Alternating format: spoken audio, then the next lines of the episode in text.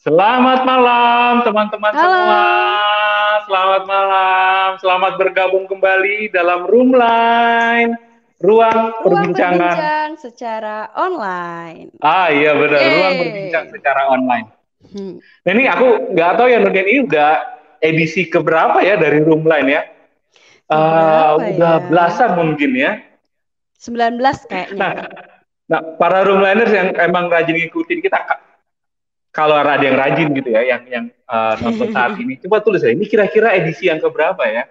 Sembilan kah? Kita udah masuk edisi kebelasan kah? Atau masih di bawah 10 kira-kira? Saya juga lupa gitu ya.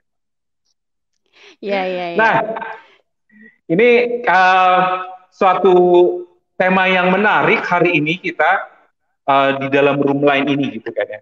Temanya itu ini uh, mungkin di luar uh, tema-tema kita yang biasanya gitu ya. Karena hari ini temanya bicara tentang transformasi pendidikan tinggi di era new normal. Nah, kira-kira Iya, maksudnya apa bener nih, Mas? banget. Jadi Kak, di malam ini kita akan cari tahu gimana prediksi Mhm. pendidikan perguruan tinggi di Indonesia ke depannya. Apakah akan dilaksanakan secara online ataukah offline seperti itu? Mhm. Nah, buat teman-teman mahasiswa baru atau lama, gimana sih caranya menyikapi pendidikan atau perkuliahan secara online itu dan apa yang harus disiapkan gitu loh untuk mahasiswa yang baru maupun yang sudah lama gitu. Jadi Mhm. dengarkan ya, lihat ya sampai akhir nanti. Ya, karena kan perkuliahan sekarang pun sudah daring gitu kan ya. Ini Iya. em, ini dulu kayaknya dulu pernah pernah dengar gitu kan ya, udah berapa tahun yang lalu gitu. Mungkin ke depan nanti akan begini gitu kan. Tetapi apakah benar demikian gitu kan ya? Apakah memang eh, memang dengan cara daring seperti sekarang ini gitu kan ya? Dan kita akan dengar dari ahlinya nih Kak Berman. Ah ya, kita akan meminta atau mendengar dari eh, kedua kakak kita yang menjadi dosen, gitu kan ya. Ini dari dua pulau yang berbeda, gitu kan ya. Kami memilih eh, Benar. kakak-kakak ini karena letaknya yang memang cukup jauh, yang kira-kira bisa mewakili Indonesia gitulah ya, pendidikan Iya. tinggi di Indonesia gitu kan ya. Nah, yang pertama siapa non? Yang pertama, tamu kita ini berasal dari Jawa gitu ya, yaitu Kak Mhm. Joshua Tarigan yang merupakan Ketua Jurusan Internasional Business Accounting di Yuka Petra Surabaya. Yeay. Yeay, Wow. selamat datang Kak Joshua. Halo Kak Joshua. Halo, selamat malam. Ya, pembicara kedua kita ini dari timur Indonesia, gitu kan ya, dari dosen dari Universitas Cendrawasih Jayapura. Saya mengundang Kak Lisar Gimara, yaitu Ketua Prodi Ilmu Kelautan dan Perikanan Universitas Cendrawasih Jayapura. Selamat, Selamat malam datang, Kak. Lisar. Ya, terima kasih. Selamat malam. Nah, ini dia kedua bintang tamu kita pada malam hari ini dan aku mempersilahkan buat roomliners semua yang sekarang sedang menonton di YouTube, silakan kalau ada pertanyaan teman-teman bisa tuliskan di kolom komentar ya. Jangan sungkan-sungkan. Nanti yang yang akan menjawab itu adalah Kak Joshua dan Kak Lisar. Uh, bukan kami, tenang, bukan kami. Bukan kami, Jadi ya. jawabannya pasti pasti valid gitu kan ya. Benar sekali. Nah ini ada satu lagi nih, jangan lupa teman-teman, nanti akan ada kuis yang berhadiah buku. Wow. Nah, jadi eh, ini mungkin sesi yang dinantikan oleh para roomliners gitu kan ya. Ada kuis yang berhadiah buku. Nah, pertanyaannya itu dari apa yang kita percakapkan, dari hasil ngobrol-ngobrol kita gitu kan ya. Jadi eh, para roomliners silahkan perhatikan gitu kan ya eh, perbincangan kita. Nanti di sesi sebelum masuk tanya jawab kita akan buka bukakan pertanyaannya itu apa gitu kan. Nanti bisa dijawab caranya menjawab gimana? Nah, nanti ketika uh, kuisnya sudah dibacakan. Oke, nah Oke. kita akan mulai ngobrol-ngobrol kita nih Non ya. Iya. Kita mulai dengan ini dulu deh yang gampang nih. Ini kira-kira Kak Joshua sama Kak Lisat ini udah berapa lama Kak menjadi dosen? Silakan dari Kak Lisat deh. Silakan. Kak Lisat, Kak Lisat dulu. Kak Lisat. Nampaknya Kak Lisar Oke, Kak Joshua dulu deh. gangguan. Nah ini ini ini live ya. Ini ya indahnya live gitu kan ya. Uh, intrusi-intrusi yang kadang okay. uh, terjadi tanpa Kalisar kita duga. sudah kembali. Kalisar sudah oke? Okay? Oke. Okay.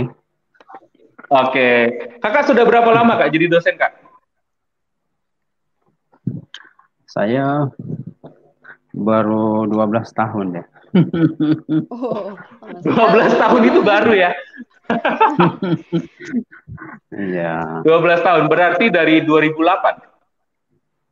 2009. Oh, 2009. Oh, masuk masuk 12 tahun lah kayak. Ya. Mendekati 12. Wah, ini udah udah udah lumayan apa namanya berpengalaman lah ya. gitu kira-kira ya. Senior lah ya. Atau masuk dosen tingkat media kan gitu kan. Ya, media. Media. Kalau Kak Joshua gimana Kak? Uh, saya jalan 17 tahun, tapi kalau karena tadi kali ini bilang baru ya saya juga baru jalan 17 tahun gitu ya. wow. Ternyata Gila, belasan ya. Ya. Jadi ini termasuk ya. uh, kakak berdua ini termasuk dosen-dosen muda yang dikagumi mahasiswa atau gimana? Wah. atau mahasiswi, mahasiswi ya. Kagumi apanya? nah, terus saya ingin bertanya nih kak.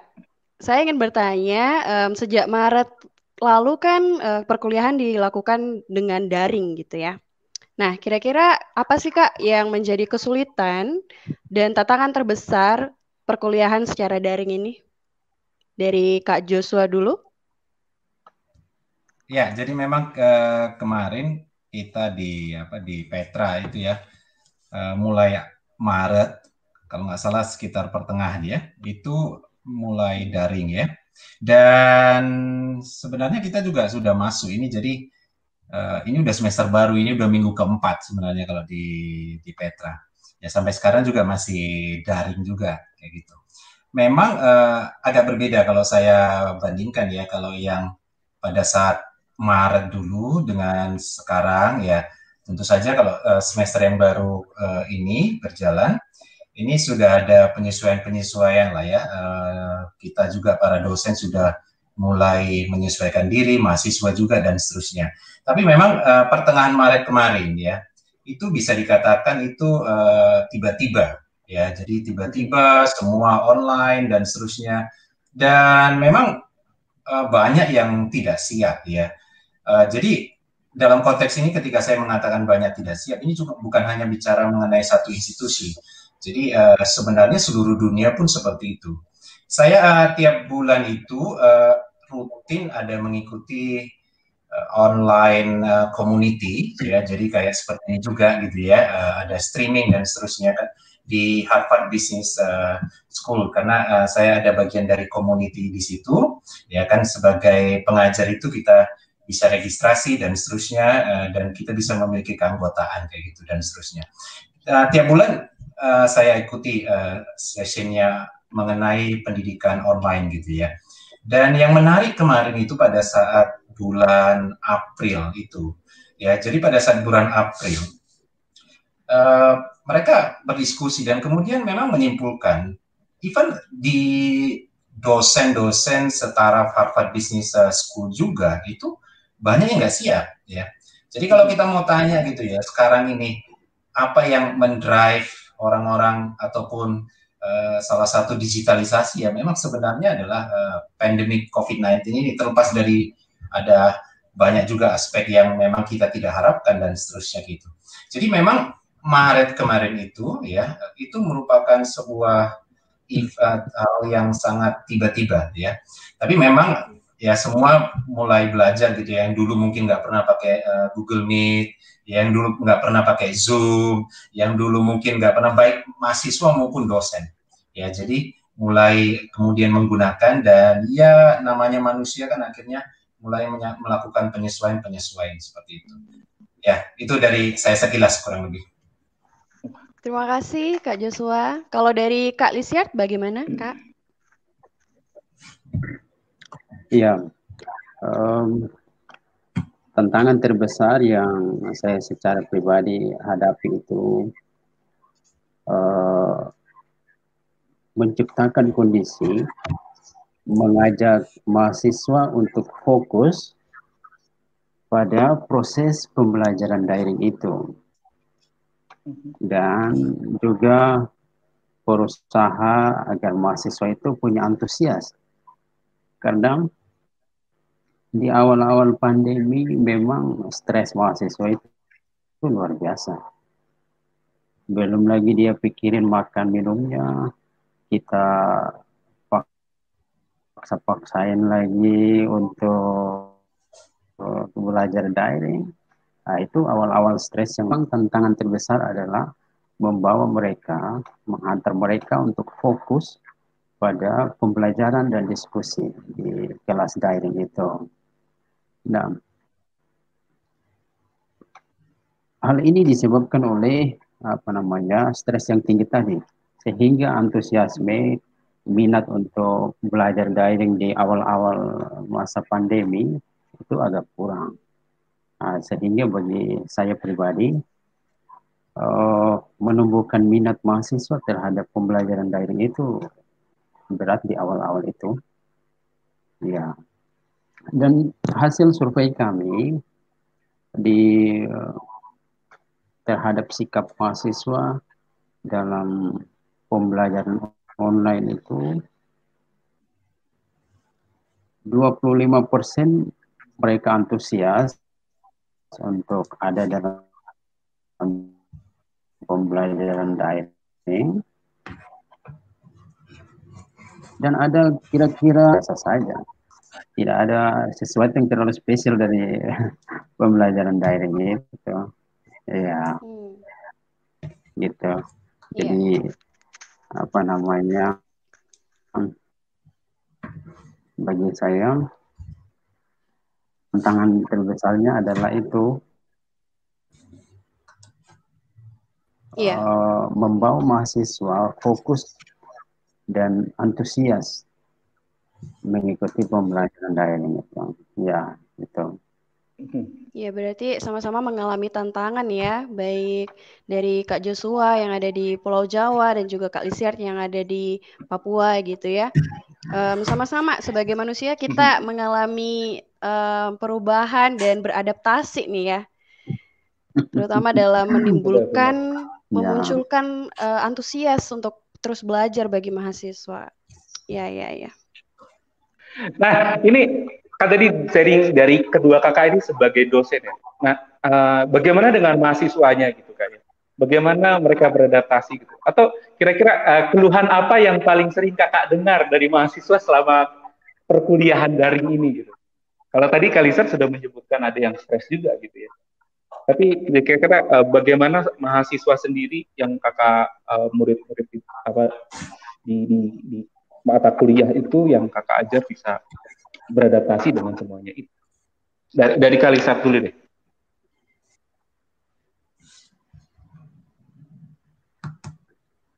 Kalisat?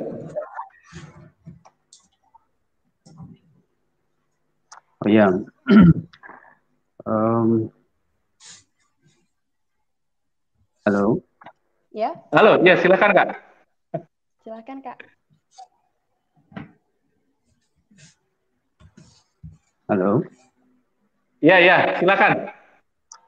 Yang adaptasi terbesar yang ya ya adaptasi terbesar yang saya jumpai sikap mahasiswa dalam pembelajaran daring ini apa namanya kesulitan besarnya adalah uh, sebagian dari mereka tidak punya gadget yang kompatibel untuk mendukung mereka bisa mengikuti pembelajaran daring dan itu susah sekali sulit dan ya akhirnya sebagian dari mereka itu tidak antusias karena tidak punya tools yang mendukung mereka untuk mengikuti pembelajaran ini. Dan itu terjadi di awal-awal masa pandemi. Nah, dalam kondisi yang semacam itu, kami secara institusi terus memikirkan langkah-langkah dan upaya-upaya untuk mengatasi problem mereka sehingga walaupun mereka tidak punya gadget atau gawe untuk mendukung itu pembelajaran mereka kami upayakan dengan langkah-langkah seperti portofolio uh, supaya mereka tetap bisa mengikuti pembelajaran. Mhm. Ya. ya. Oke. Jadi memang apakah mereka sampai ini juga kak? Saya mendengar ada beberapa mahasiswa yang sampai mereka join dengan teman-teman yang lain untuk bisa mengikuti perkuliahan dengan daring itu gitu. Apakah sampai sedemikian juga kak?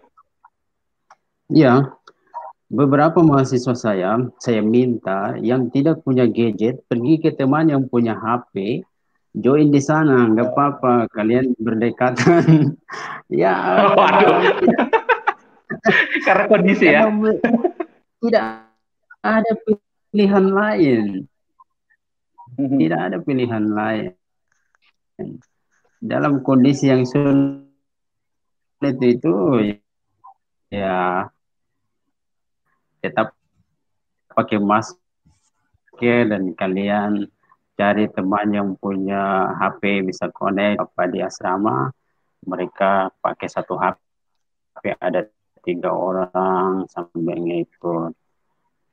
Ada yang dua orang satu HP pergi di gubuk di Hona nggak apa-apa.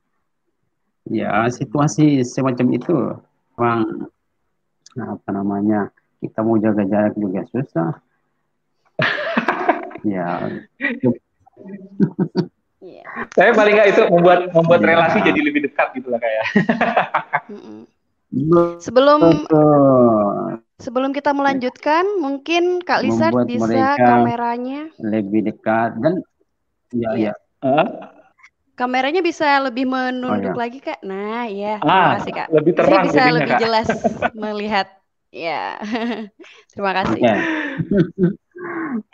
Okay. Ya, ada mahasiswa yang lalu kemudian mereka berbagi. Oke, okay, kau punya HP, kami yang lain beliin pulsa. Kita pakai HPmu ya. Oke, okay, lalu di situlah terjadi kerjasama antar mereka yang baik, saling oh, berbagi. Ah, dan itu indah sekali. Makin solid ya. Ada yang siapkan snack bagi mereka, ya. Jadi itu oh, sisi jadi, positif jadi, dari pandemi itu kasih menjadi lebih nyata. Persekutuannya makin makin nyata gitu ya. Tapi semoga mereka fokus belajar ya. bukan ngerumpi ya.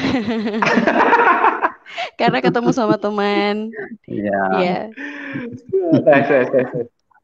Nah, kalau dari Kak Joshua sendiri gimana, Kak? mahasiswanya gitu. Atau kan Petra mahasiswanya cukup beragam lah ya. Itu apakah nih saya saya kepikir aja gitu, apakah mahasiswa yang berasal dari Jawa itu lebih bisa menyesuaikan diri kah? Atau yang tinggal di Jawa ini gitu daripada uh, yang dari luar pulau? Atau gimana Kak dari mahasiswa ya Kakak? Iya, uh, jadi kalau kalau kita ngomong uh, adaptasi ini kan uh, memang kita bisa kategorikan tadi kalau tantangan gitu ya. Uh, tadi tantangannya itu ada memang tantangan uh, secara teknis gitu ya.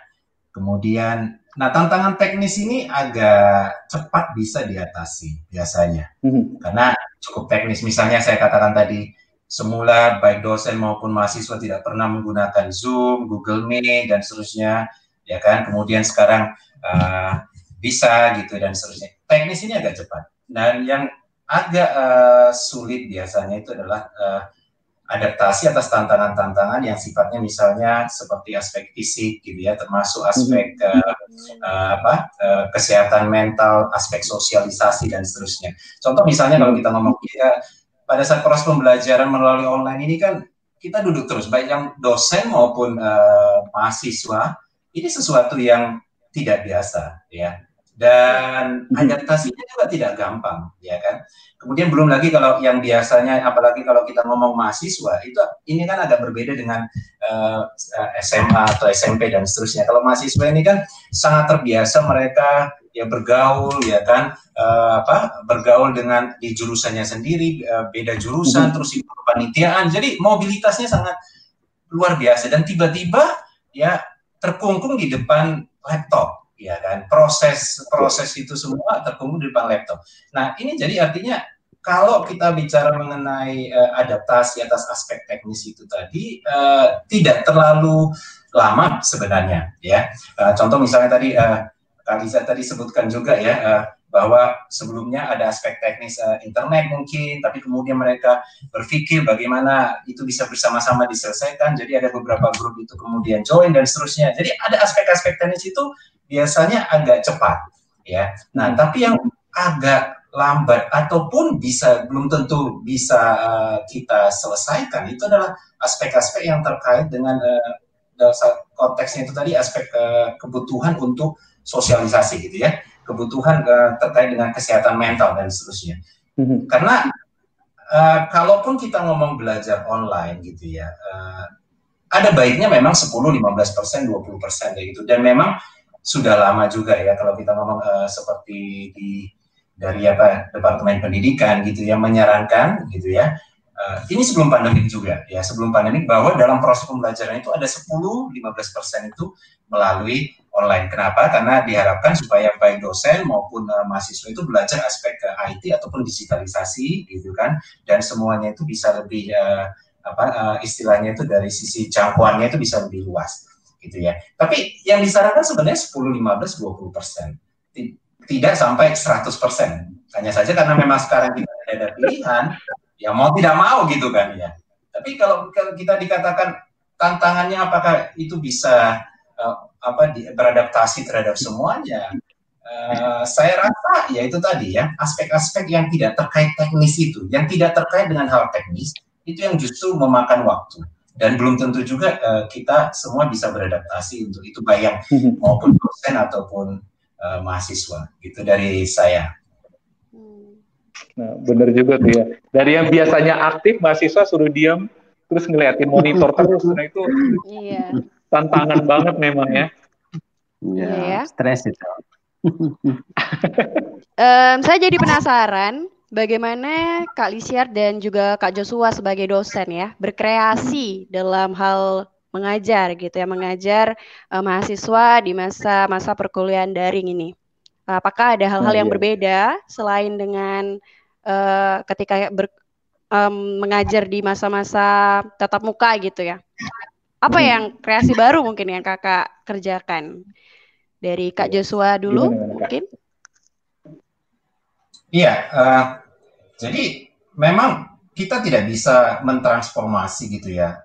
Yang dulu misalnya pendidikan katakanlah uh, lewat onsite di dalam kelas tatap muka langsung misalnya dari sisi jam aja ya tiga jam ya. Kemudian kita mengubahnya itu online tiga jam gitu ya misalnya. Jadi ada yang harus memang kita uh, mix ya. Contoh misalnya yang dulu misalnya tiga jam itu ya di tatap muka, ya kan? Kalau online, apakah akhirnya kita pecah-pecah ya menjadi misalnya tiga jam itu uh, dua bagian gitu ya, dan kemudian ada mungkin let's ada break gitu ya, uh, eh, 15 menit, 20 menit gitu ya itu uh, cukup dibutuhkan. Karena apa? Karena sekali lagi tadi aspek fisik aja kita duduk baik dosen maupun yang uh, mahasiswanya. Dan uh, memang lewat online ini konsentrasi itu salah satu yang menjadi tantangan gitu ya. Karena tidak mudah membuat mahasiswa itu bisa konsentrasi. Nah kebetulan uh, saya ngajar itu ada separuh itu hitung-hitungan, ya karena kan saya dari jurusan aku, saya ngajar akuntansi gitu ya hitung-hitungan, ada separuh yang bukan hitung-hitungan, konseptual uh, teori. Contoh misalnya teori akuntansi itu kan, wah itu filosofi kan, uh, agak berbeda dengan mengajarkan yang hitung-hitungan. Nah, saya merasa ya kan, ketika hitung-hitungan, mengajarkan hitung-hitungan akuntansi itu lebih mudah. Kenapa? Karena uh, saya juga bisa menggunakan iPad saya, saya bisa menunjukkan cara perhitungannya, cara menuliskannya. Hmm cara menghitungnya di situ. Dan itu mereka lebih uh, pay attention gitu ya. Dibandingkan hmm. kalau memang ketika kita ngomong dari sisi misalnya uh, apa uh, yang bukan ada hitung-hitungan, yang tidak ada hitung-hitungan sama sekali teori gitu ya full. Ya kan misalnya saya sebut tadi teori akuntansi itu mata kuliah semester atas gitu ya. Dan itu hmm.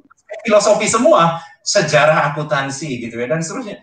Dan kalau kita mau ngomong langsung kita terjang dalam tiga jam, wah ya agak susah. Jadi itu tadi ya. Yang pertama uh, kreativitasnya ya bagaimana itu dipotong-potong ya kan kemudian apakah menjadi uh, dipotong jadi dua per, uh, dua, dua dua apa dua sesi gitu ya ataupun tiga sesi kemudian nanti ada short break short break misalnya break uh, pendek 5 menit 10 menit dan itu 5 menit 10 menit bahkan dibutuhkan sekali uh, saya kasih contoh lagi misalnya uh, dulu pada saat apa sekitar April kalau nggak salah April itu seharusnya saya ada ya, berangkat ke Jerman seperti biasa tahun lalu itu uh, ngajar di apa di salah satu kampus di Jerman. Tahun lalu uh, ngajarnya ya tatap muka langsung itu ya.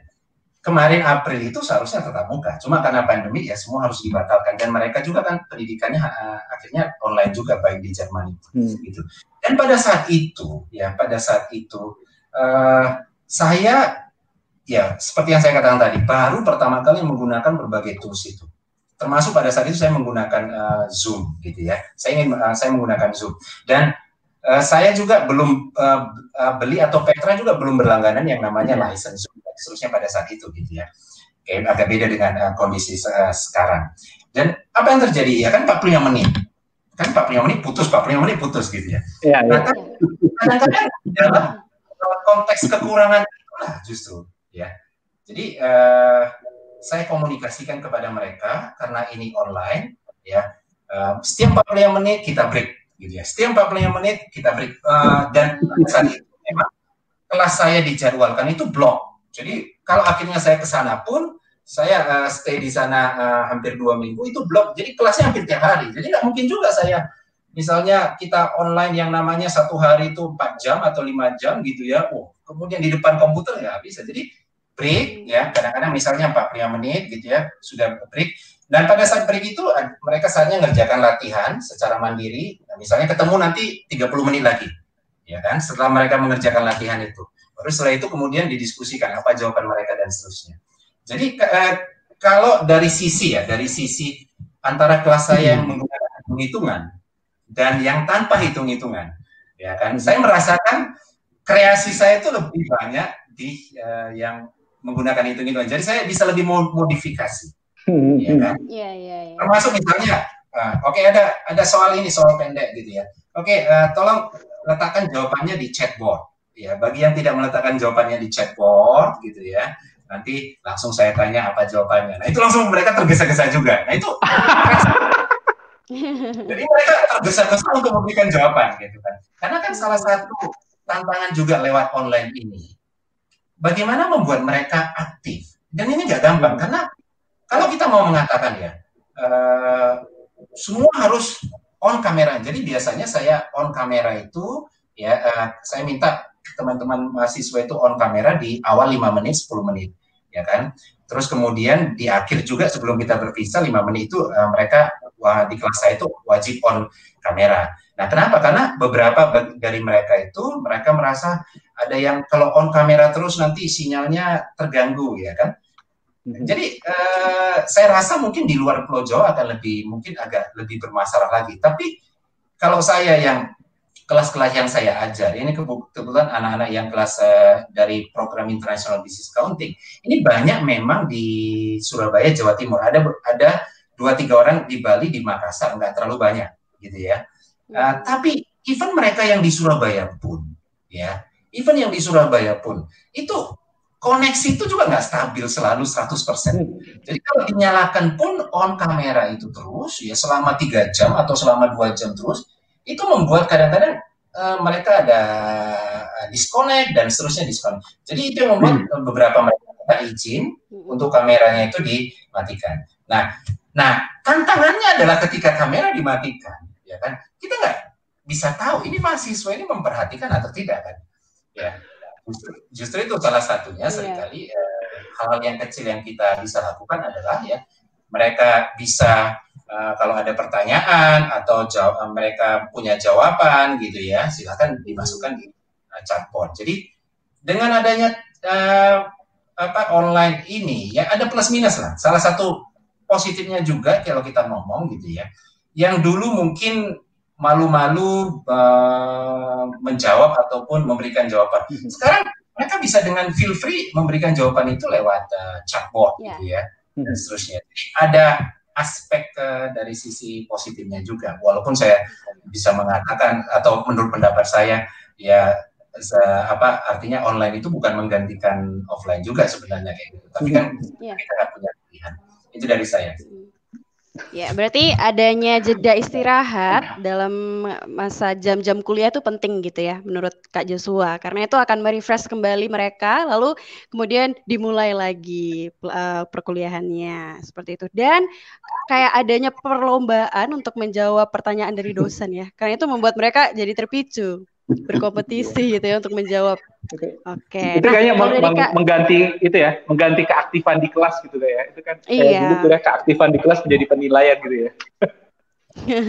nah itu ya itu juga uh, berpengaruh karena sebelum jadi kalau sebelum pandemi itu keaktifan prosentase keaktifan bagian dari total nilai itu uh, kita tidak terlalu perhatikan atau tidak menjadi concern lah ya. Kadang-kadang kita cuma hmm. kasih ada dosen itu cuma ngasih 5% atau kadang-kadang tidak ada sama sekali aktif tidak hmm. aktif ya. Pokoknya semua itu berdasarkan dari output outcome kayak gitu. Dan uh, dengan adanya online ini, ini juga membantu ya ataupun mem, mem, dalam tanda kutip memaksa kita sebagai dosen untuk memperhitungkan ke proses keaktifan ya kan dan memang hmm. dalam uh, kurikulum-kurikulum terbaru juga yang digagas oleh Dikti itu mengcover iya. hal-hal tersebut yang disebut sebagai kurikulum OBI e. dan kita di Petra juga sudah implement itu semester ini gitu. Wow. Sip, sip, sip. Oke, kalau dari Kak Lisiat bagaimana Kak? Mungkin ada hal-hal yang Kak Lisiat kerjakan sewaktu mengajar di masa perkuliahan gimana? Saya ingin mendengar. Ya. Oke uh, di kelas saya dalam mengkreasi kelas itu ada beberapa pendekatan. Yang pertama, saya variasikan cara atau teknik komunikasi. Nah, biasanya 10-15 menit awal itu kami ngobrol santai saja di video conference ya. Saya tanyain bagaimana kabar, sudah makan atau belum, yang biasa-biasa. Ya, itu dalam rangka menarik simpati mereka. Eh, saya nggak bisa masuk langsung materi, saya perlu komunikasi yang intens dengan mereka, menarik perhatian mereka dengan bertanya, yeah. membangun komunikasi itu. Nah, ketika mereka sudah bercerita keadaannya, kondisinya, Uh, lalu kami mulai masuk pelan-pelan. Ya, hari ini kita mau bahas ini. Ada yang sudah baca kah? Ah, begitu. Aduh, bapak saya belum. Karena ini baru beli pulsa. Oke, sebentar setelah ini baca ya. Uh, jadi komunikasi yang santai, rileks untuk menarik mereka fokus pada kelas virtual itu. Kemudian Uh, variasi yang lain adalah saya membawa beberapa video, lalu kami nonton bareng. nah video itu bercerita tentang topik pembahasan hari ini, tapi saya nggak kasih tahu. Ayo kita lihat video ini. Ini video bicara apa ya? Nah, setelah nonton, lalu saya tanyain. Oke, okay, kamera diaktifkan. Nah, apa yang tadi kau lihat? Akan ketahuan kalau tadi dia nggak fokus. Nah, dia akan nggak cerita kalau tadi dia nggak fokus. Yeah. Nah, oh, kau tadi lihat apa saja?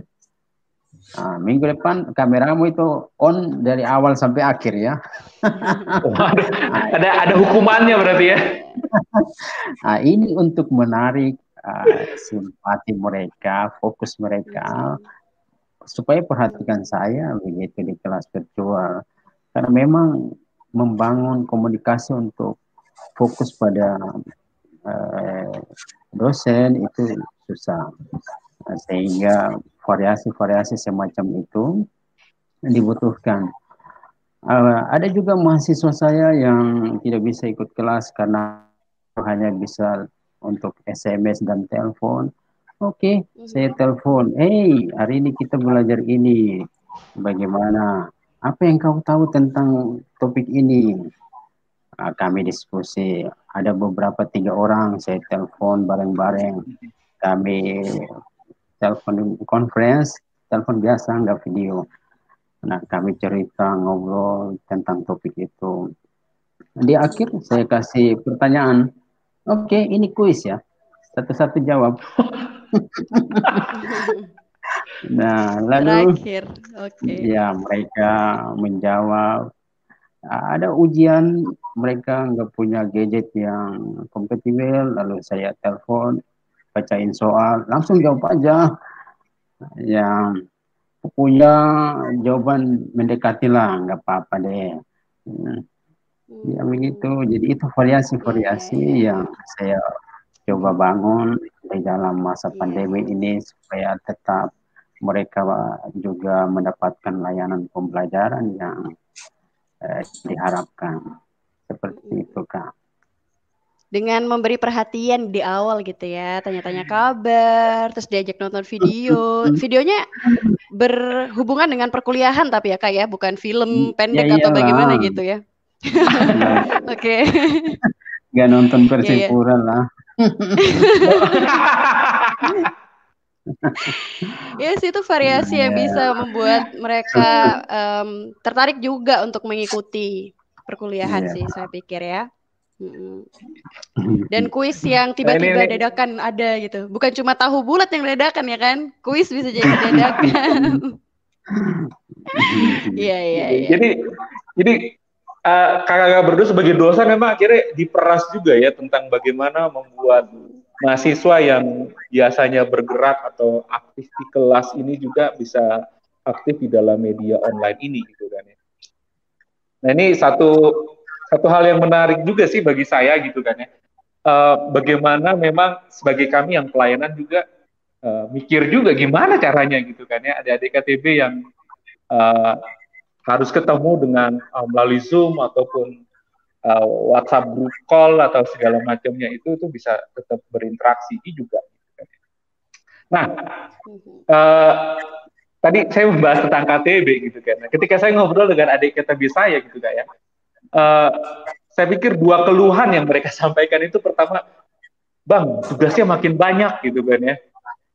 Atau uh, yang kedua juga, aduh bang ini dosennya mudah uh, ganti jadwal gitu kan ya.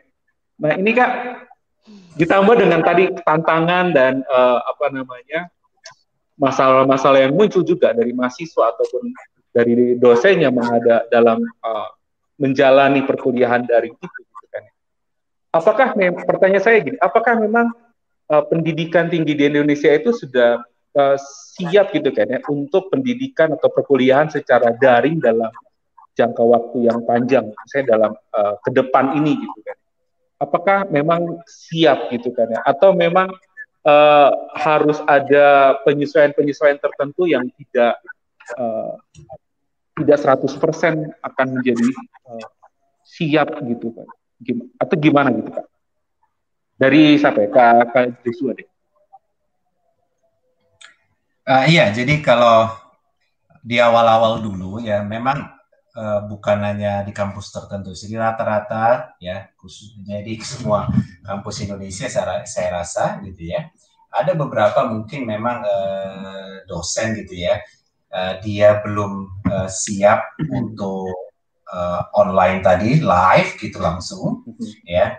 Jadi dia kemudian menggantikan uh, perkuliahan itu dengan memberikan materi kayak gitu. Dan sekali lagi ini bukan hanya terjadi di Indonesia saja saya katakan. Pada saat saya mengajar pun bulan April itu di Jerman ya. Uh, secara online ya tadi saya katakan ya tahun ini saya online. Saya tanya anak-anak yang saya ajar ya Oke, okay, kemudian mereka mengatakan setelah ini ada kelas. Uh, kemudian ada yang mengatakan nanti eh, nggak uh, ada kelas. Kenapa? Kayak gitu ya.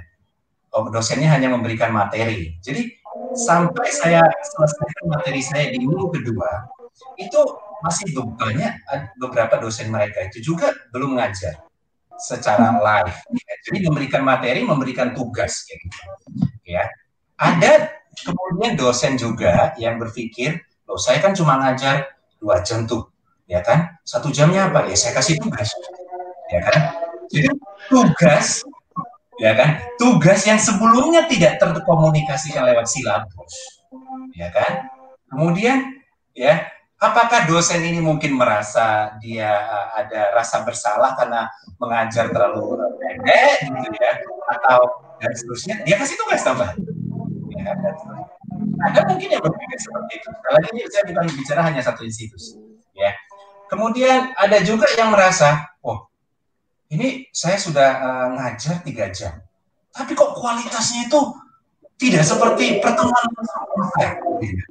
untuk lebih memperdalam untuk lebih online ini lebih berkualitas saya kasih tugas gitu ya. itu tidak terjadi ya. jadi banyak ada beberapa variasi variasi tadi karena dia tidak mau eh bukan bukan tidak mau belum siap ngajar online. Kedua karena dia uh, tidak ngajar 100% misalnya lesnya itu sebulan seharusnya tiga jam ngajar dua jam dia merasa kurang. Atau ada pun dia merasa sudah ngajar penuh tiga jam tapi dia merasa proses pembelajaran online ini uh, tidak seperti onsite. Saya kasih tugas tambahan itu ada. Tapi kemudian uh, kalau kita khususnya dari Petra itu kemudian melakukan survei dan kemudian itu sama uh, bagian kita kan ada namanya ILTC gitu ya bagian uh, proses improvement untuk pembelajaran ya. Uh, kemudian itu kemudian disampaikan ke semua dosen ya bahwa jangan ada memberikan tugas selain dari uh, yang sudah disepakati. Jadi makanya uh, seharusnya nggak ada masalah sourcing ya. Kalau saya secara pribadi pada saat itu saya tidak ada memberikan tugas tambahan kayak gitu. Dan kemudian ini kan sudah semester baru kemarin sebelum mulai kita juga sudah sepakati ya bahwa tugas ataupun apa pun itu project hanya diberikan uh, pada eh sorry hanya diberikan sesuai dengan apa yang disepakati di uh, silabus kayak gitu ya di, di depan kayak gitu. Jadi uh, kalau mau di, uh, kalau mau ditanya gitu ya, apakah Indonesia uh, siap? Ini bukan hanya masalah sekali lagi ini bukan masalah Indonesia saja. Kalau saya pribadi ditanya dan saya, juga melihat banyak uh, penelitian-penelitian terkait online bahkan sebelum pandemik ini juga, ya kan? Pendidikan online, ya.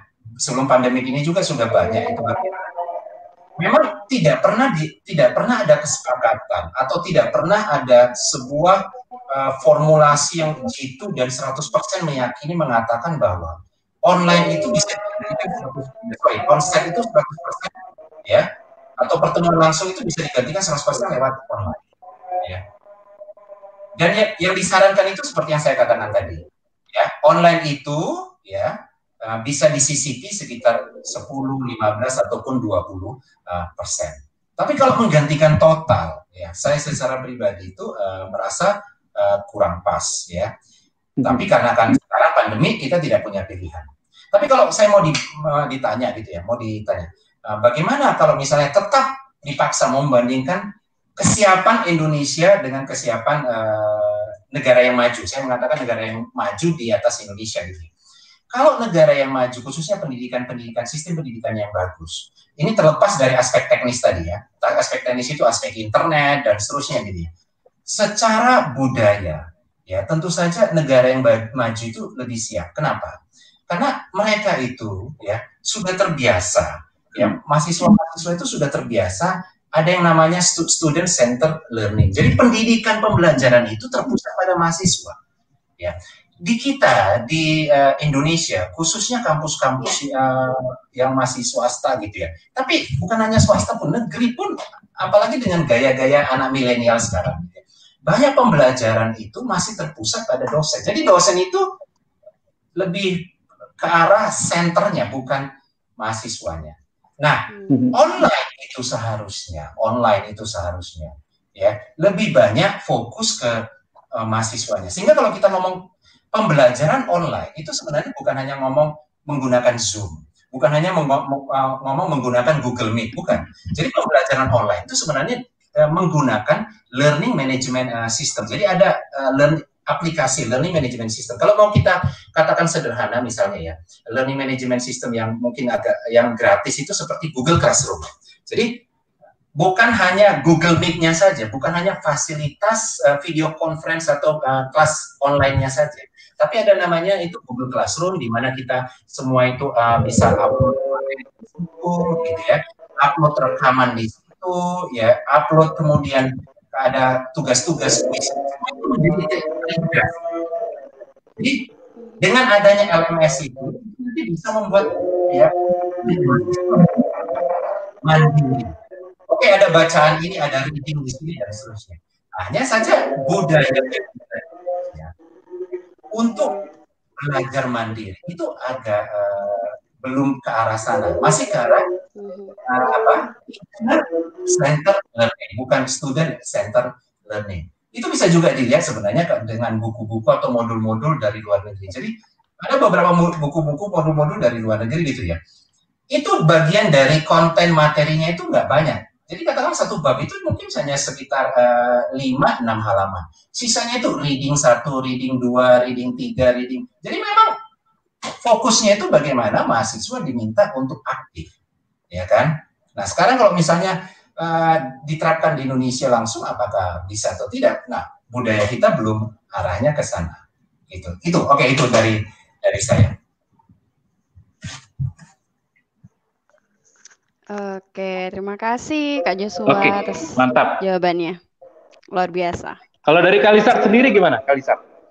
Menurut Kakak? Ya, um, ini keluh kesah adik KTBK Berman ya.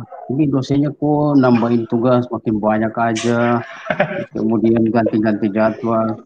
Ya, saya sebagai Kaprodi, Ketua Program Studi, itu menerima dan menampung semua aspirasi mahasiswa seperti keluhan-keluhan tadi. Nah, Bapakku ini, dosen ini ganti-ganti jam, kemudian ini terlalu banyak tugasnya.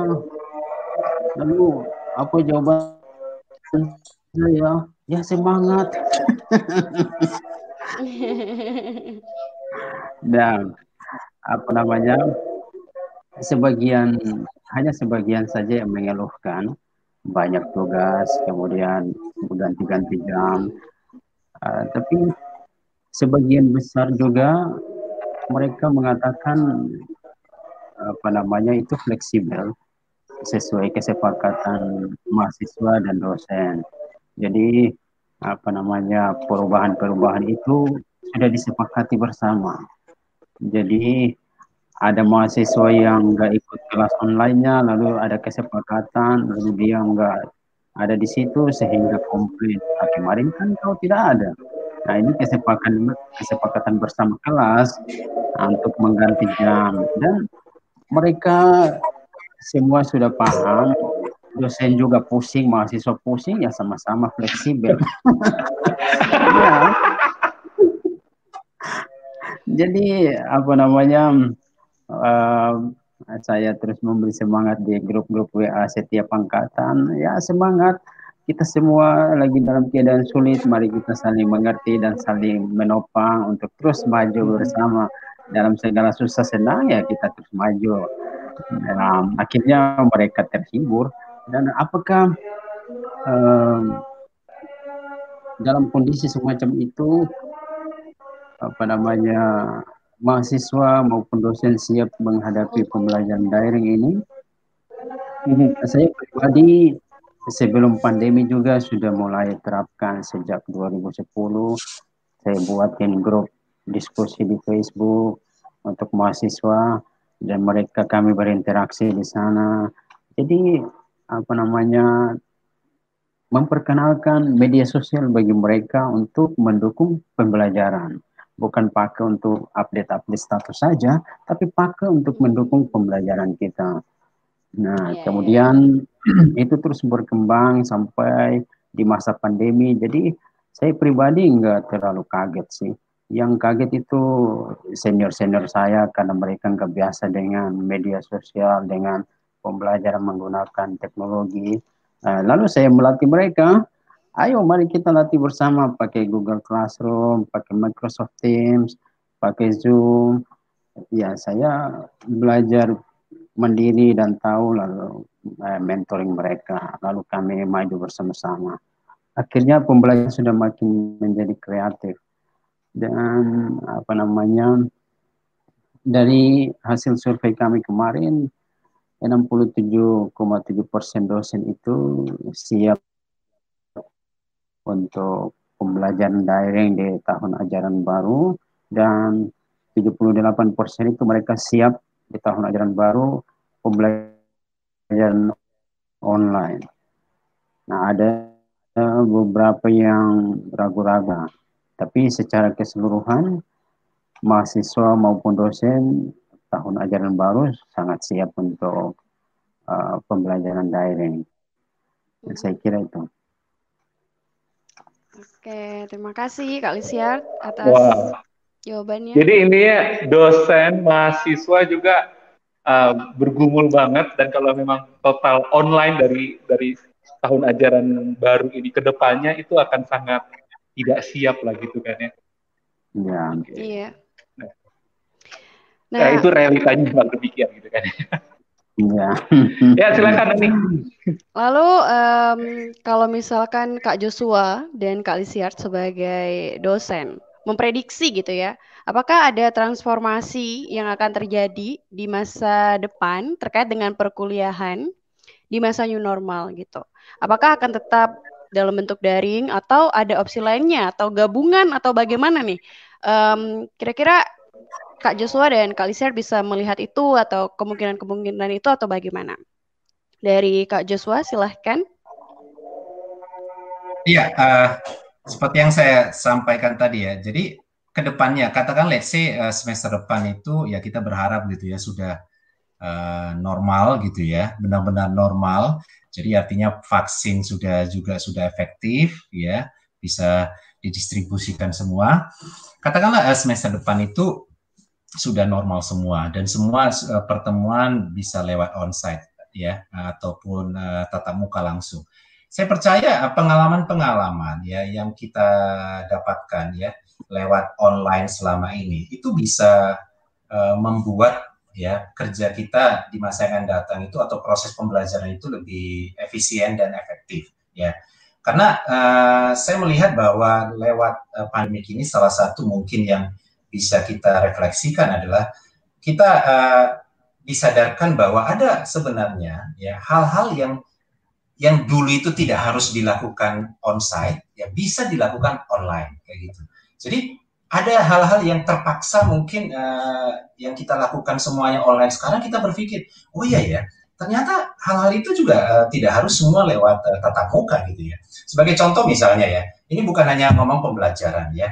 Uh, biasanya itu setiap apa tiap bulan itu jadwal saya itu uh, padat gitu ya ya. Uh, ada kemudian uh, punya ada klien di Jakarta harus ke Jakarta kemudian kadang-kadang ada juga ke, uh, tugas dinas dari Petra gitu ya. Kemudian ada saya juga ada klien di uh, di Blitar di apa di masih di Jawa Timur itu juga ke sana. Dan tiap bulan itu dikunjungi.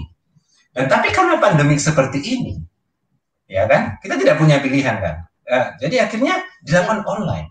Dan ternyata kita berpikir bahwa oh, sebagian besar itu bisa dilakukan online kayak gitu kan. Atau kalau kita nggak mengatakan sebagian besar, katakanlah seperti yang saya katakan 15-20 persen itu bisa ternyata lewat online. Jadi uh, saya melihat ke depannya ya, uh, ke depannya dan memang sebelum pandemi juga seperti yang saya katakan tadi, Kementerian Pendidikannya itu uh, sudah juga me me, apa, mengusulkan ataupun menyarankan ya menyarankan kepada universitas-universitas untuk memasukkan 15-20 persen yang namanya proses uh, pembelajaran online.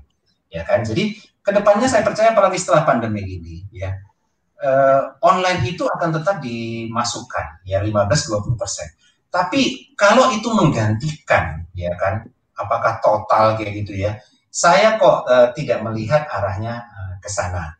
Karena kembali lagi seperti kita katakan tadi ya, kalau kita ngomong dunia kampus itu yang sangat mobile ya, mobilitasnya sangat tinggi, itu banyak atau beberapa hal itu agak sulit digantikan lewat online, ya kan? Tapi mungkin ada beberapa, ya kan? Contoh misalnya kalau kita ngomong proses bimbingan, ya, katakanlah uh, dulu dulu gitu ya, itu uh, bukan hanya saya gitu ya, tapi senior-senior saya gitu kan. Bahkan dosen-dosen dari kampus lain juga kalau kita pas ketemu itu mengatakan, oh saya punya anak bimbingan loh, ya magang itu di kota lain, nah, magang di kota lain, ya.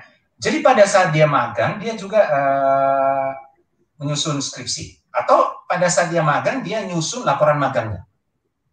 Tapi dia minta itu bimbingan online lewat pakai Skype pada saat itu yang terkenal kan Skype gitu ya. Saya mm-hmm. jadi agak aneh uh, jadi sekarang Skype-nya agak nggak terkenal. Pada saat itu Skype terkenal gitu ya dan seterusnya. Pakai Skype dan seterusnya. Nah, banyak dosen-dosen ini termasuk saya sendiri, saya jujur mengatakan pada saat itu saya risih. Ya.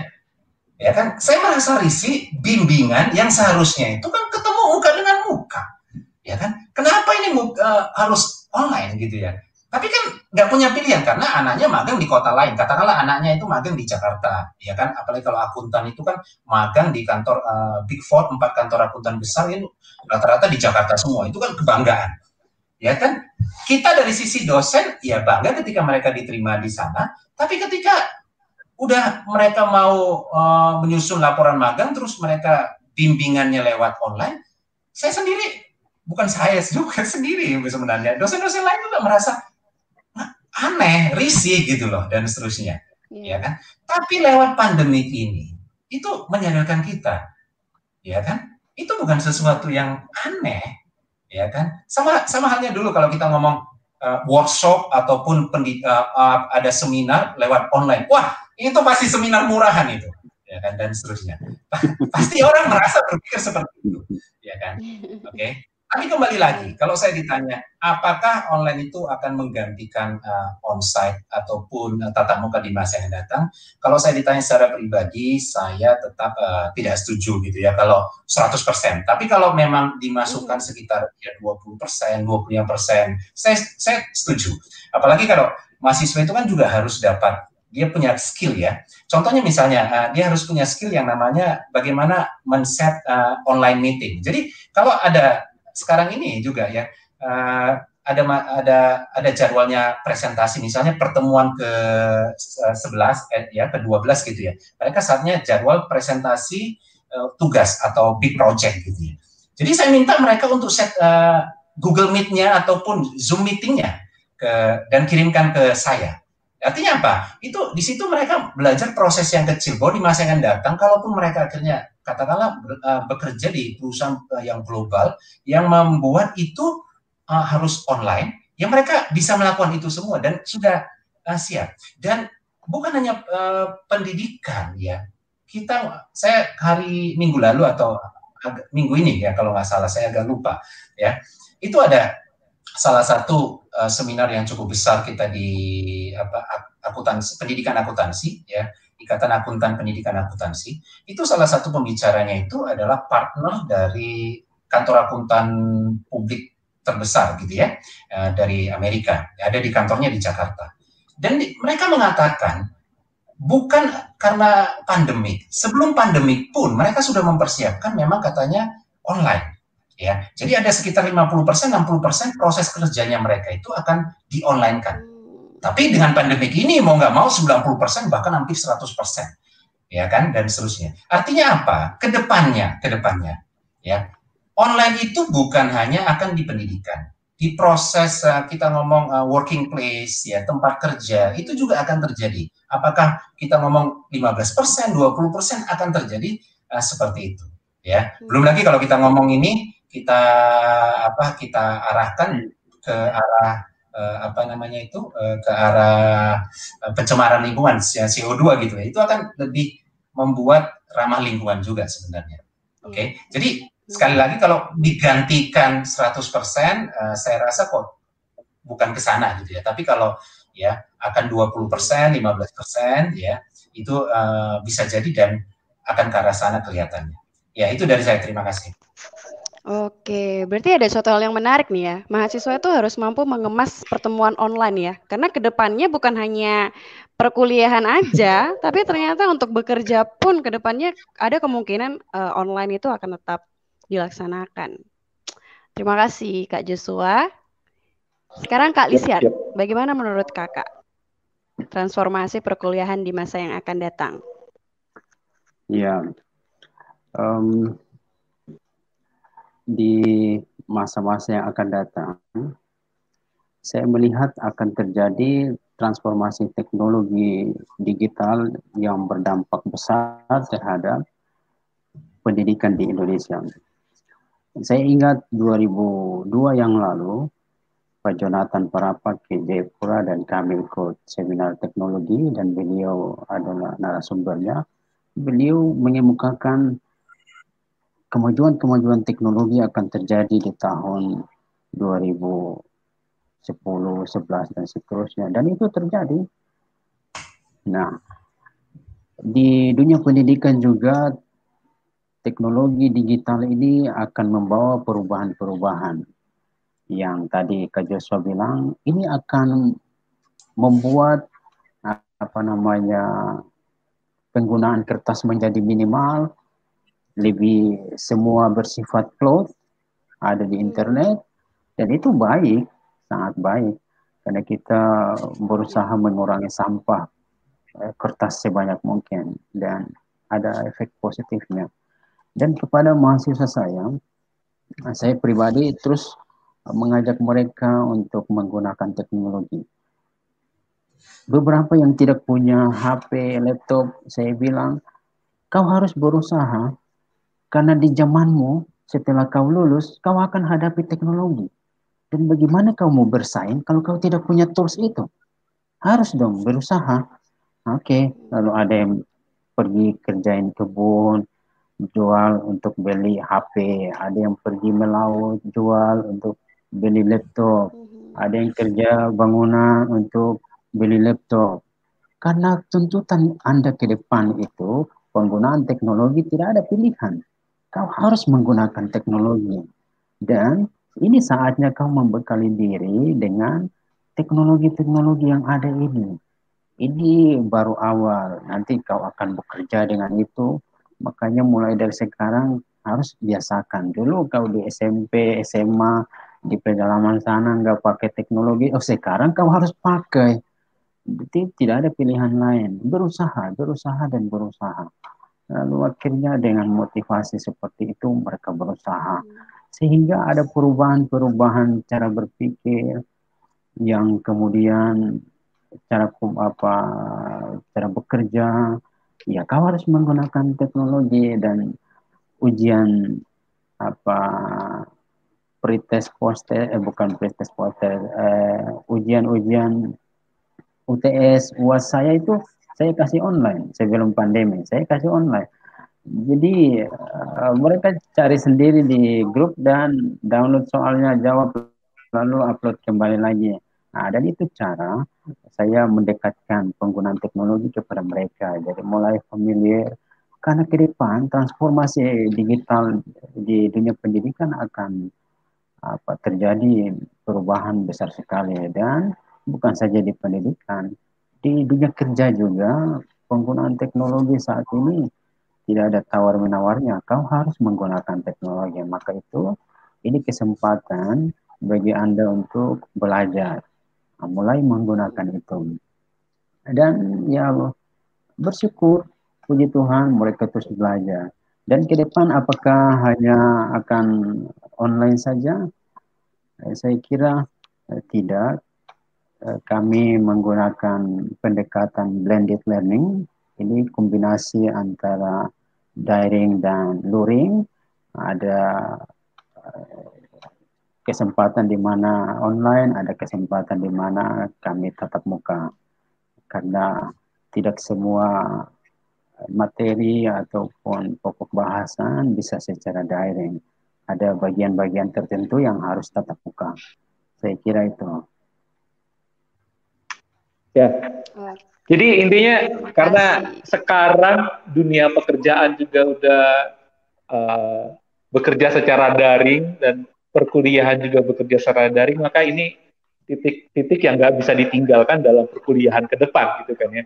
Akan tetap ada yang daring, tetapi tetap ada yang butuh tatap muka karena uh, ada jenis-jenis uh, mata kuliah yang memang harus bertatap muka juga gitu kan kakak-kakak ya.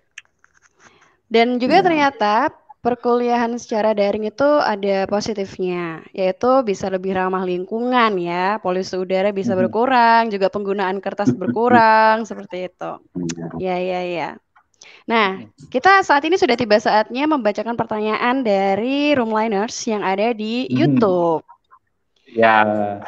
Sudah ada beberapa pertanyaan kalau kita lihat di uh, komennya live YouTube itu ya Non ya. Ya. Mari kita Nah, tapi sebelum itu sebelum tanya jawab Non, ini dong, Iya. kuisnya dong, pertanyaan kuisnya nih gitu ya. Atau nanti aja, Oke. sekarang lah ya. boleh apa nih Kak Pertanyaan- pertanyaan kuisnya? Nah, kira-kira ini dari tim yang menyiapkan nih. Oke, ini pertanyaannya teman-teman ya. Jika teman-teman memperhatikan percakapan kita dari awal. Nah, sudah berapa tahun Kak Lisar dan Kak Joshua ini menjadi dosen? Ya. Sudah berapa tahun Kak Lisar dan Kak Joshua ini menjadi Ayo. dosen? Nah, tadi sudah disebutkan itu tahunnya berapa gitu kan ya. Eh, yang pasti awalnya kedua narasumber kita bilang baru, nah gitu kan ya. Baru. Baru titik-titik tahun gitu kan ya. Itu jadi ya. jawabannya usia jadi dosennya masih muda. Nah, Ya. hadiahnya apa?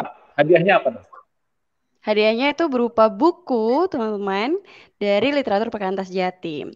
Nah, tapi sebelumnya aku mau ingatkan bahwa eh, menjawabnya harus di DM Instagram Perkantas Jatim ya. Jadi eh, silahkan kirim eh, jawaban teman-teman semuanya di direct message Instagram Perkantas Jatim. Paling lambat malam ini, paling lambat malam ini. Dan yang paling cepat itulah yang akan menjadi pemenangnya. Oke. Oke. Nah, dua buku yang jadi hadiah adalah uh, dua uh, sebuah buku yang berjudul uh, The Story of Reality. Nah, ini uh, buku yang bagus karena bicara tentang wawasan dunia Kristen. Gitu kan ya. Ini Pemka Kota uh, Malang sedang menjadikan ini proyek bacanya gitu kan ya.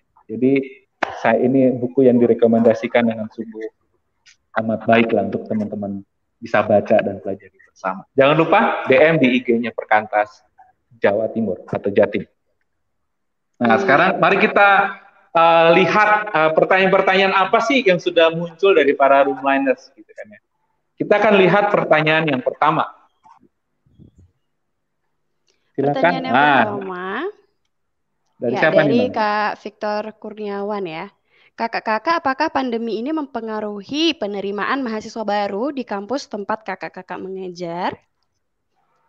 Gak ada penerimaannya, Non. Iya, em, Mempengaruhi di, maba. oh, Penerimaan penerimaan maba. Oke, oke. di bawahnya tuh ada, Kak Irman. Jadi Oh, gitu ya. Oke, aku oke. langsung tambahkan. Nah, untuk penerimaan mahasiswa mahasiswa baru sendiri apakah ada kesulitan atau tantangan? Dan kan sudah berlangsung nih. Bagaimana tuh prosesnya? Dari Kak Joshua di Pet di UK. Petra bagaimana? Eh, ya, saya, saya kalau untuk eh, jurusan-jurusan yang lain saya tidak tahu persis gitu ya. Tapi kalau untuk yang di jurusan saya yang di program internasional eh, business counting itu ada sedikit eh, peningkatan ya. Jadi eh, ini untuk angkatan yang 2020 ya. Kalau 2021 kan kita belum tahu gitu ya. Angkatan 2020. Jadi em, ada momennya gitu ya. Ada momennya kemarin itu sekitar bulan April, Mei, ya, eh, Juni gitu kan. Itu untuk eh, penerimaan-penerimaan akhir untuk mahasiswa 2020 kan kita biasanya udah mulai satu tahun sebelum dan itu bergulir terus eh, biasanya antara bulan se- September itu sampai eh, Mei Juni itu untuk jadi untuk angkatan 2020 kemarin September tahun lalu udah mulai ya. Kemudian sampai kemudian eh, Juni ataupun eh, Mei kemarin gitu ya. Eh, ini ada cukup beberapa mereka ya. Itu yang semula memang mau keluar negeri ya. Semula mau keluar negeri dan bahkan ya, itu dia sudah apa sudah apply di luar negeri cuma karena ketidakpastian kondisinya kemarin gitu ya ada yang mau ke Australia gitu ya dan seterusnya ya dia uh, pending ataupun tidak jadi akhirnya ke luar negeri tapi dia mencari uh, jurusan atau program internasional yang ada di Surabaya gitu karena dia memang orang Surabaya atau orang uh, Jawa Timur jadi dengan kondisi itu saya bisa katakan ada sedikit uh, peningkatan ya. Cuma kalau untuk yang Hmm. program-program yang lain saya uh, bukan yang megang data gitu ya. Uh, dan saya mungkin nanti bisa disampaikan juga untuk dari dari apa dari uh, uh, Uncen seperti apa. Ya itu dari saya. Iya. Bagaimana dari Uncen, dari Kak Lisiar? Ya, Em, apakah pandemi ini ada pengaruh terhadap penerimaan mahasiswa baru? Ya, ada pengaruh. Pengaruhnya um, masa penerimaan mahasiswa menjadi lebih panjang dan mengapa diperpanjang supaya bisa mengakomodir adik-adik mahasiswa dari kabupaten, dari daerah, ada kesempatan mereka bisa ke Jayapura untuk ikut tes dan masuk ke ujian. Dan apa namanya pandemi berdampak sangat besar. Bayangkan mereka harus ada yang berjalan berhari-hari dari gunung ke Jayapura untuk ikut tes. Ada adik-adik dari beberapa adik KTB kita dari Yahukimo mereka juga berjuang sampai ke Jayapura. Ada yang jalan kaki, ada yang pakai mobil. Ya, untuk mendaftar di Unjen begitu. Sehingga upaya usaha mereka itu diakomodir dengan memperpanjang masa pendaftaran. Nah, implikasinya adalah masa kuliah kami yang awalnya eh, berakhir di Desember tahun ini akan berakhir di Januari karena itu tadi memberikan kesempatan bagi adik-adik dari daerah-daerah datang ke Jayapura untuk mendaftar. Jadi memang ada dampak dari pandemi ini terhadap apa namanya pendaftaran mahasiswa baru. Ya, itu. Tapi kalau jumlahnya nambah nggak jumlah mahasiswa baru? Oh, Atau berkurang? Saya, saya nggak bisa jawab karena itu bagian kemahasiswaan dan eh, kami belum punya data itu, belum dibagi ke program studi, jadi saya nggak komen. Oh, oke okay, oke. Okay. Jadi satu sisi ini uh, menguntungkan penerimaan mahasiswa baru ya gitu ya. Tapi ya. mungkin pemilik kos-kosan gitu ya, yang stres ya, karena ya. ya.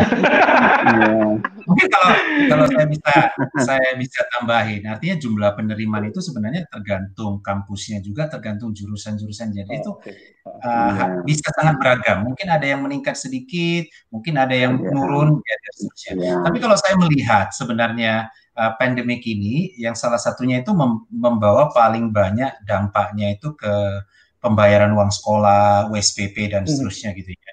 Salah ya. satunya kalau di institusinya kita kemarin itu ya ya cukup banyak anak-anak yang memang membutuhkan dan mau tidak mau ya kita bahu membahu untuk uh, menolong gitu ya, mencari solusinya dan seterusnya supaya hmm. tidak putus uh, sekolah karena terus terang kalau kita mengomong uh, pandemik ini banyak membawa dampak uh, keuangan ya kepada uh, orang tua gitu ya. Ada mungkin memang ya. bisa jadi cukup banyak orang tua juga yang uh, istilahnya bisnis ataupun perekonomiannya ya tetap gitu ada.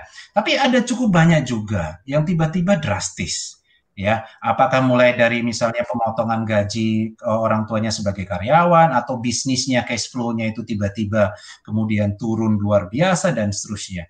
Jadi itu saya, uh, saya lihat sih terhadap lebih banyak ke arah pembayaran kewajiban keuangannya. Kalau yang untuk penerimaan itu bisa sangat beragam sih, tergantung kampusnya, apakah negeri atau swasta, swasta pun itu lagi ya, tergantung program reguler atau internasional atau jurusan apa dan seterusnya kayak gitu. Tapi memang yang uh, menurut survei di total di seluruh Indonesia ataupun di dunia di internasional pun ya, ya kan, yang naik itu adalah yang terkait dengan kesehatan, ya kan, uh, penerimaan mahasiswa untuk kesehatan itu meningkat ter, uh, dan kemudian yang terkait dengan digital digital itu juga meningkat ya digital digital ya. jadi kalau jurusannya jurusannya digital digital gitu ya apakah kontennya nanti benar-benar digital atau tidak ya pokoknya ada digitalnya itu meningkat gitu ya dan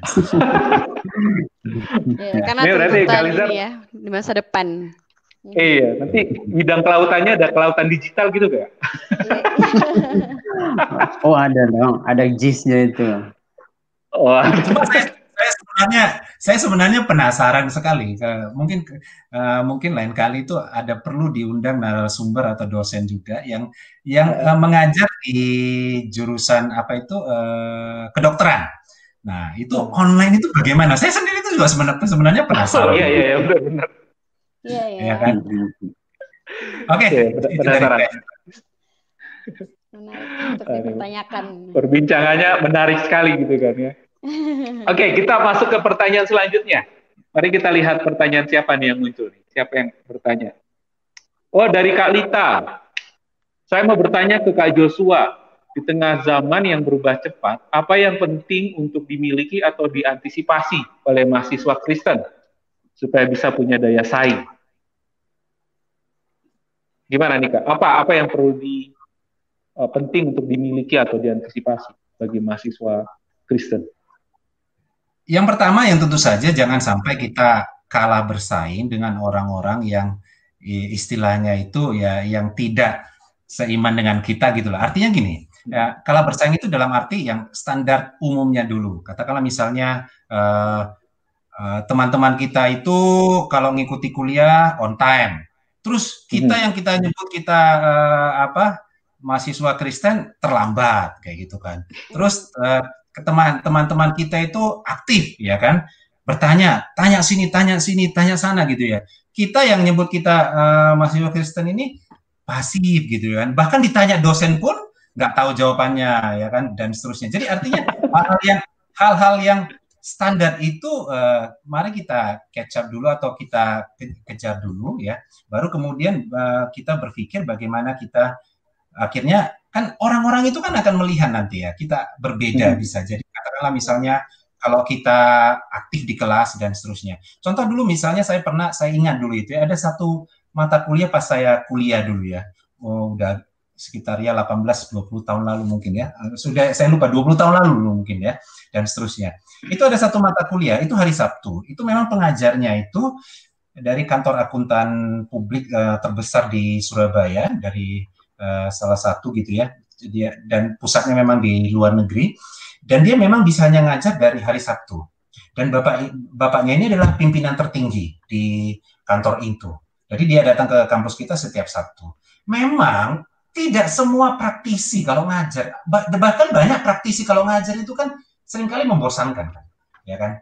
Eh, artinya mereka memang tidak dilatih seperti dosen gitu ya ngomong gitu kan memotivasi dan seterusnya atau uh, apa bagaimana uh, bagaimana kemampuan berkomunikasi dan seterusnya. Jadi sering kali mereka kalau ngomong ya membosankan gitu. Jadi artinya mahasiswa juga hanya dalam kebosanan-kebosanan itu dan seterusnya.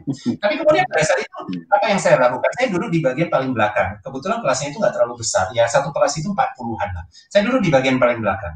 Dan selalu ketika anak-anak ya, teman-teman saya itu mulai di, uh, tidak kondusif, saya langsung bertanya ya kan? Jadi begitu pertanyaan muncul, ada suara yang uh, cukup menggelegar seperti ini gitu ya dari belakang, ya kan?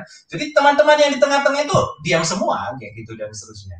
Ya, artinya uh, itu salah satu contoh gitu ya, bagaimana kita ya memberikan uh, artinya mempengaruhi ya rekan-rekan kita yang lain ya banyak hal lah ya dan seterusnya tapi artinya kalau kita ngomong kita jurusan akuntansi gitu ya misalnya. Ya pasti kompetensi akuntansi dasar itu ya kita kuasai dulu gitu jangan jangan kita mengatakan kita ingin menjadi garam dan terang dunia tapi akuntansinya sendiri nggak paham. Atau mungkin kalau misalnya kita jurusan uh, psikologi misalnya ya kan? Psikologinya itu kita pahami dulu baru kan kemudian kita mungkin bisa melihat nanti oke okay, bagaimana hmm. apa kira-kira perbedaan perspektif antara kekristenan misalnya ya, dengan psikologi yang kita pelajari misalnya. Tapi kalau kita nggak paham dulu mengenai psikologi yang ada di textbook itu, bagaimana kita bisa mengkritisi dari perspektif uh, Kristen gitu kan nggak bisa.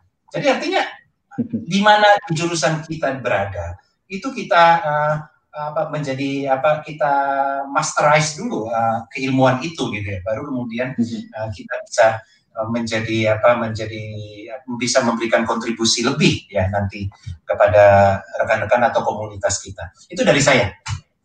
Wow. Jadi kompetensi dasar tetap tidak boleh dihilangkan dan tetap harus dikuasai dengan sangat baik gitu kan.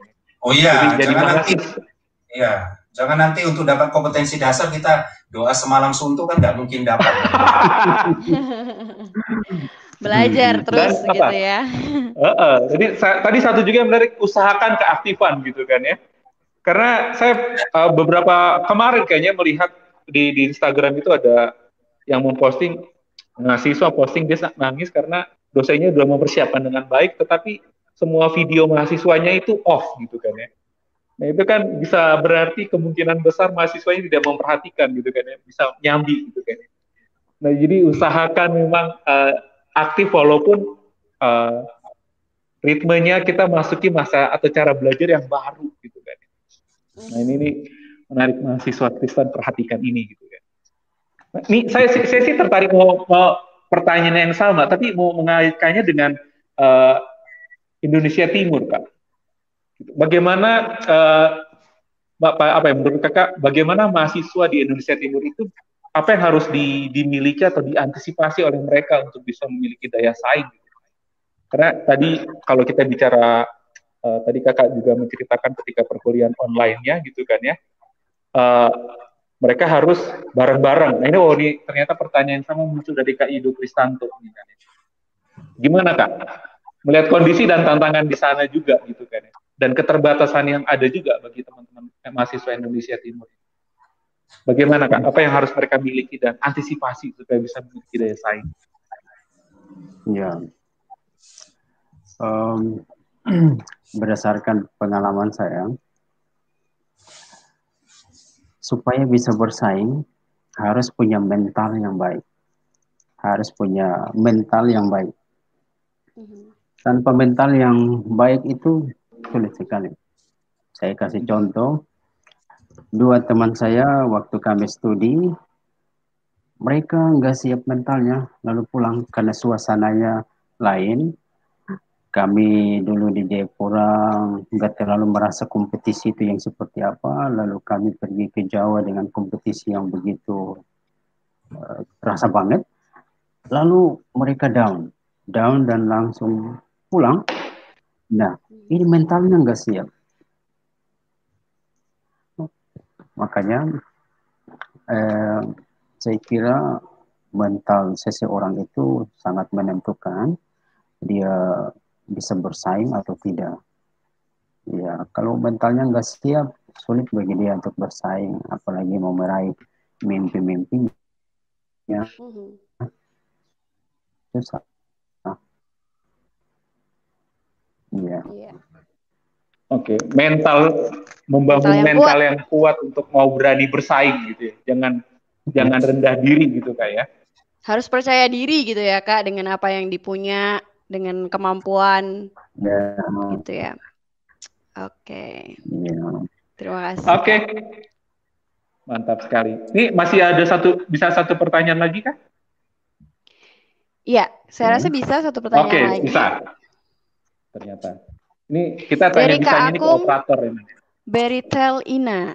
Pertanyaannya apakah suatu saat Petra atau Uncen atau kampus-kampus di Indonesia akan membuka kuliah full online atau kalaupun tidak, apa yang dilakukan agar tidak kalah bersaing?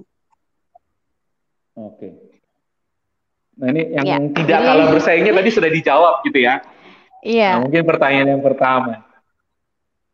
Maksudnya ini pertanyaan yang mungkin apakah full online gitu full ke depannya tuh ada kuliah online yang emang benar-benar kalau kalau mau jadi S1 tuh ya udah kamu kuliah online aja ada kok ini kelasnya nih gitu. Memungkinkan nggak kak? Untuk jurusan apa yeah. internasional bisnis gitu kak? Kak Joshua. Oke, okay.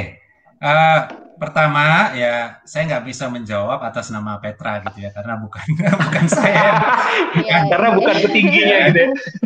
ya karena bukan saya menentukan gitu ya. Tapi saya melihat gini ya saya melihat saya melihat uh, seperti ini ya. Uh, kalau yang namanya full online itu tergantung target marketnya siapa yang kita sasar ya kan.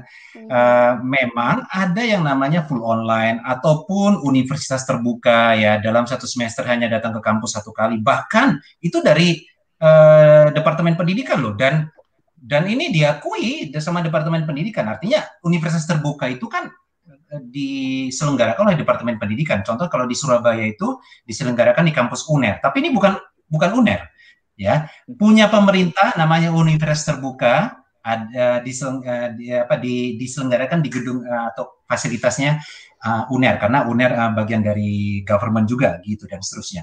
Dan bahkan sampai level S3. Jadi S3 universitas terbuka, bayangkan ke kampus mungkin wow. hanya satu kali atau dua kali gitu ya dan seterusnya. Dan ini diakui sama pemerintah.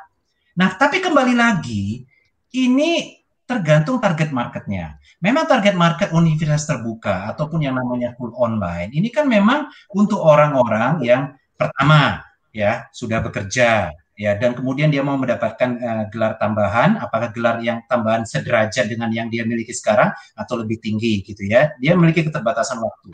Kemudian kedua kalaupun dia uh, belum uh, bekerja ya kan uh, artinya dia memiliki keterbatasan. Apakah dari sisi uang sekolah dia tidak bisa uh, membayar yang uh, untuk kelas-kelas uh, yang uh, layaknya tatap muka gitu dan seterusnya. Tapi dibutuhkan independensi ataupun uh, kemandirian yang sangat tinggi di sini. Karena tidak semua profil mahasiswa apalagi kalau dia belum pernah menempuh pendidikan tinggi gitu ya dia masuk S1 universitas terbuka sebelumnya dia nggak pernah sama sekali uh, mengikuti kuliah. Itu belum tentu semua siap ya. Mhm. apalagi saya katakan tadi ya yang kalau namanya full online ya seperti pandemik ini ya kita sudah lima enam bulan lima bulan ini online. Ada satu masalah yaitu masalah kesehatan mental ini, ya.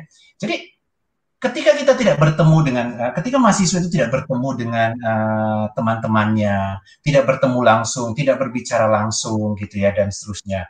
Ini uh, sadar atau tidak sadar ya, ini kesehatan mental ini bisa bermasalah. Jadi kalau saya melihat full online ya, full online ini bukan uh, sebuah ya yang namanya akan ada ya di masa yang akan datang dan semua jurusan di kamp satu kampus itu akan full gitu ya. Seperti yang saya uh, katakan tadi itu kan blended ya, apakah 20%, 50%, 30% dan seterusnya. Kalaupun ada full online bisa jadi gini ya. Hanya satu atau dua jurusan yang memang ditujukan untuk target market target market khusus. Katakan seperti yang saya katakan tadi ya. Ada pilihan tuh, misalnya S2 manajemen online. MM misalnya magister manajemen. Ada online, tapi ada juga pilihannya uh, onsite atau tatap muka. Kalau mau full online, ya silakan dan seterusnya. Kayak gitu dan seterusnya. Tapi uh, kalau saya melihat tidak uh, mungkin akan kampus ini nanti tiba-tiba ini bukan hanya ngomong kampus saya, semua kampus tiba-tiba semuanya full online. Kalau semua kalau sudah kondisi kembali ke normal. Kenapa? Uh, logikanya seperti ini di Indonesia memang online ini masih menjadi barang baru. Tapi kalau kita lihat di negara maju, contoh kita ngomong Amerika, Inggris, dan seterusnya, program online, full online, itu sudah lama mereka punya. Tapi pilihan, jadi artinya gini, misalnya ya Harvard, itu ada program yang namanya uh, onsite, tatap muka, ya kan?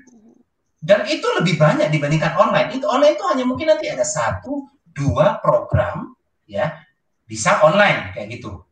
Dan jadi artinya bisa memberikan kesempatan uh, mahasiswa-mahasiswa dari kampus-kampus uh, negara lain mengikuti itu online. Tapi online itu bukan dimaksudkan untuk menggantikan semua yang uh, onsite, ya kan? Jadi pilihan itu bisa jadi ada. Tapi kalau onsite ini hilang semua, saya kok tidak uh, berkeyakinan seperti itu, ya. Iya. Uh, karena saya melihat target marketnya itu beda antara yang full online dengan yang uh, lewat tatap muka seperti ini.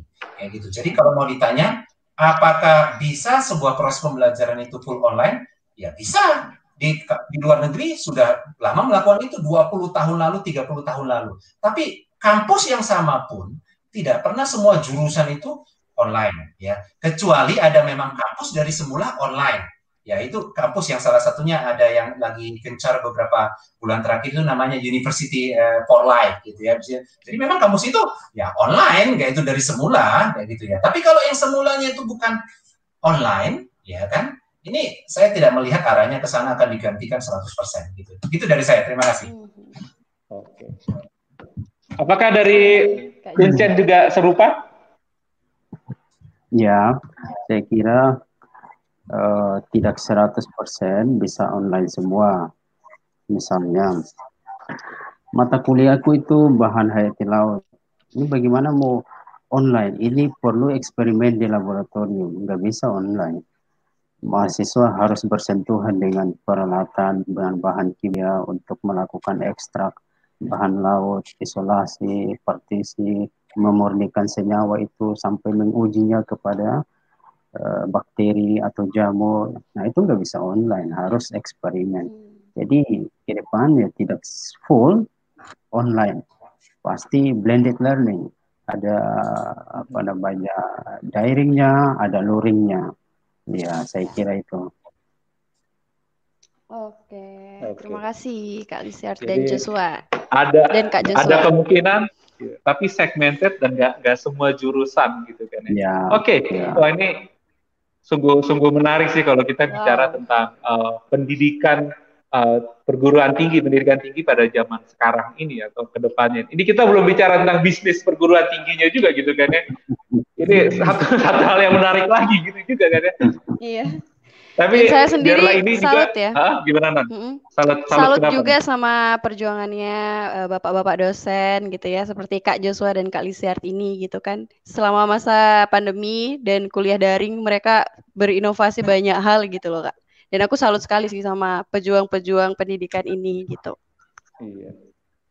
Eh, semoga eh, apa yang disampaikan kakak-kakak ini atau di perbincangan kita ini bisa memberkati teman-teman dalam melihat Amin. eh, pendidikan tinggi yang sekarang sedang mereka kerjakan atau baru mau mulai mereka kerjakan gitu ya bagi mahasiswa baru.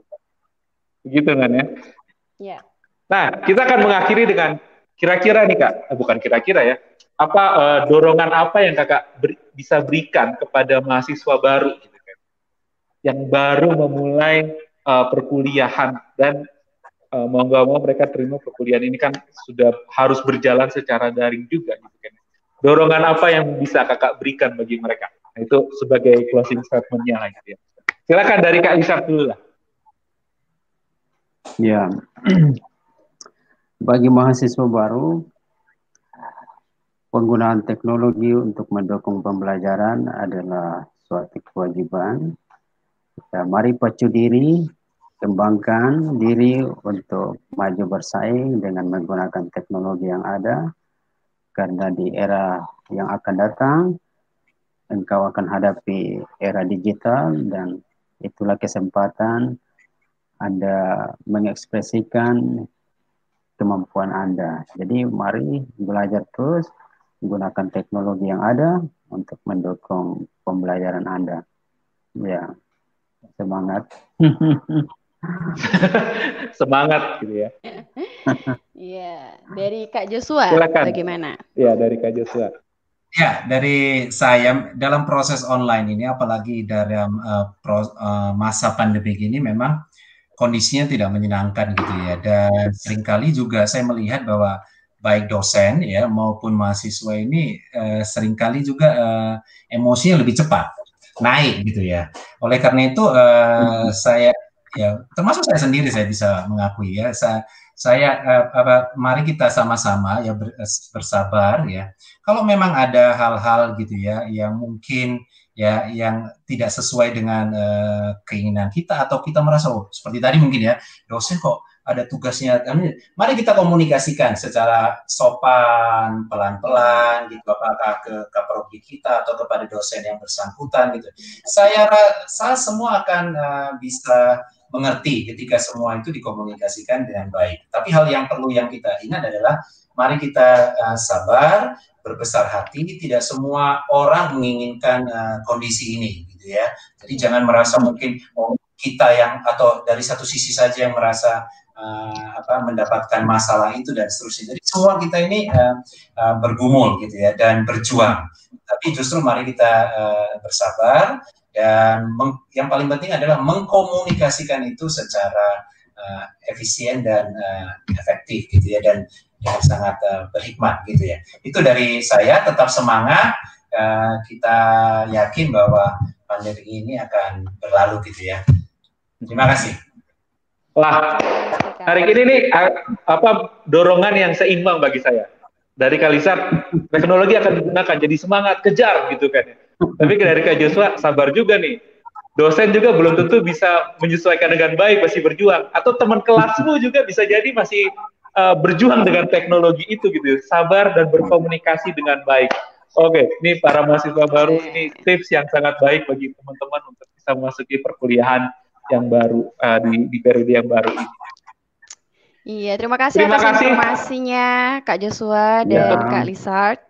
Ya, terima kasih. Untuk perbincangan Ya. menyenangkan ini. Terima kasih. Iya. Terima kasih Kakak Alisar dan Kak Joshua.